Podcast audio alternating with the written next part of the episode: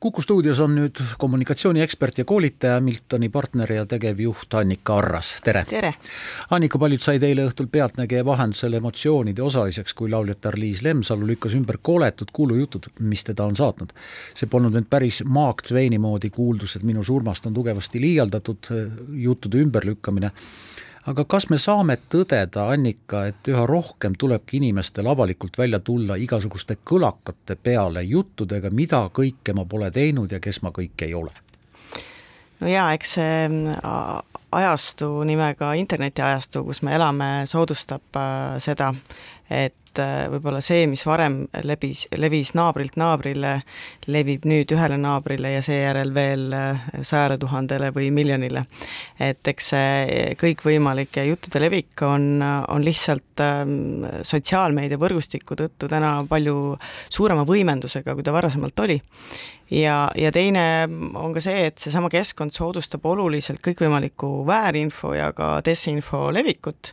mis kõik siis kombinatsioonis tekitavadki selle, et inimesed, kes on äh, rohkem avaliku tähelepanuga alu all,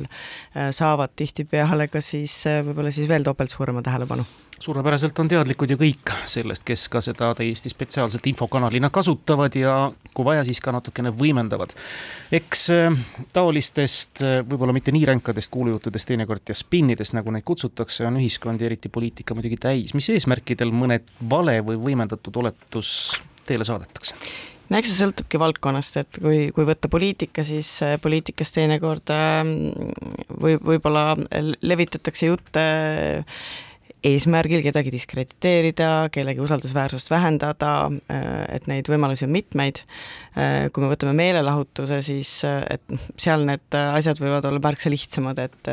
keegi kuskil arvab midagi, kuskil keegi nägi midagi, keegi eeldab midagi ja siis asutakse rääkima ja ega seal taga mingit suuremat agendat ei olegi. kas kadedus ja konkurents selles vallas? võib ka seda ette tulla, aga, aga noh, ega sellele ei saa ju nii konkreetselt näppu peale panna ja aga, aga samamoodi ei saa võib-olla välistada ka seda, et on ka neid inimesi, kes võib-olla märkavad käitumisviisi, teguviise, mis on äh, vastuolus eetika või moraalireeglitega äh, või, või siis ka vastuolus avalikkuses tuntud inimese sõnadega äh, ja, ja peavad vajalikuks siis ühiskondliku vastutustunde nimel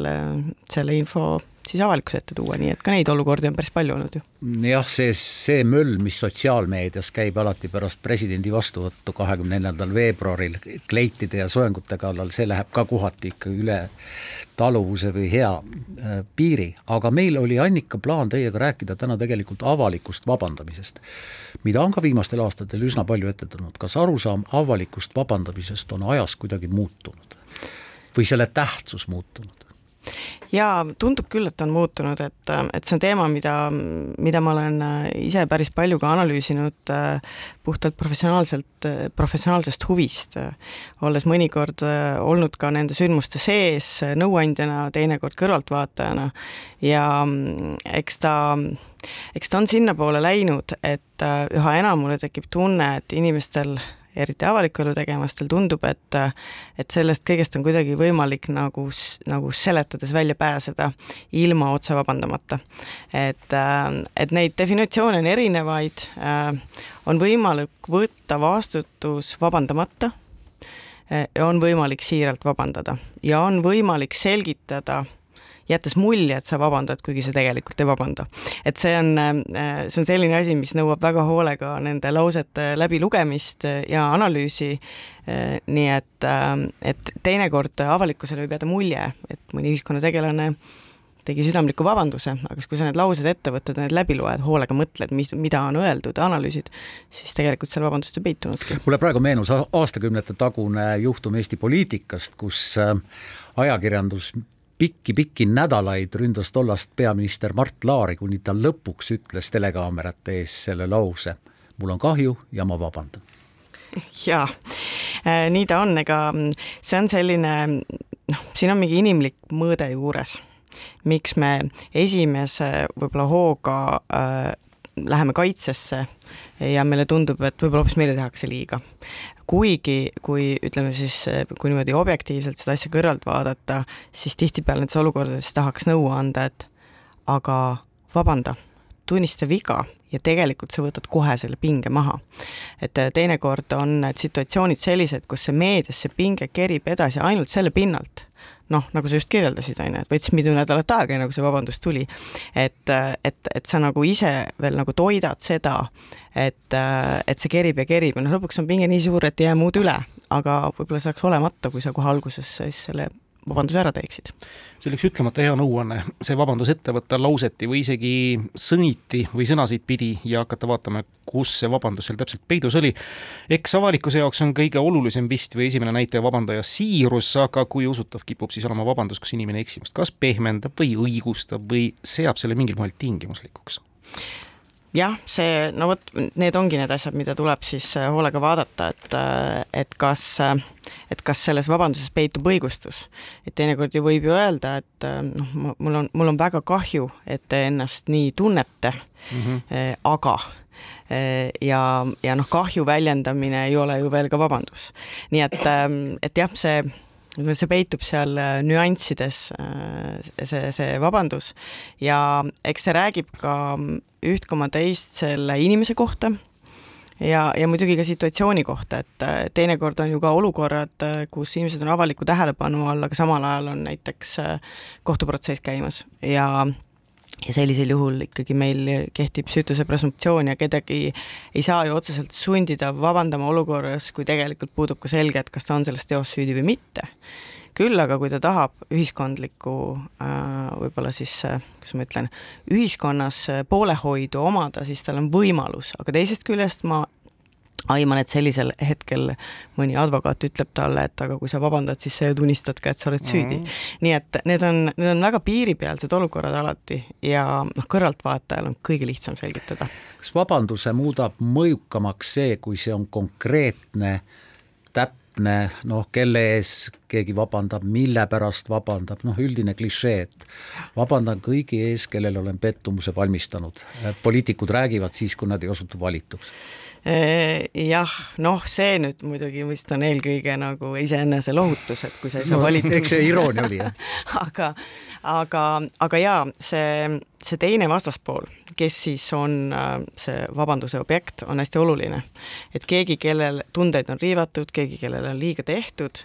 ja kui see keegi on midagi hästi niisugust üldist ja laia, näiteks mingisugune ühiskonnagrupp Eestis,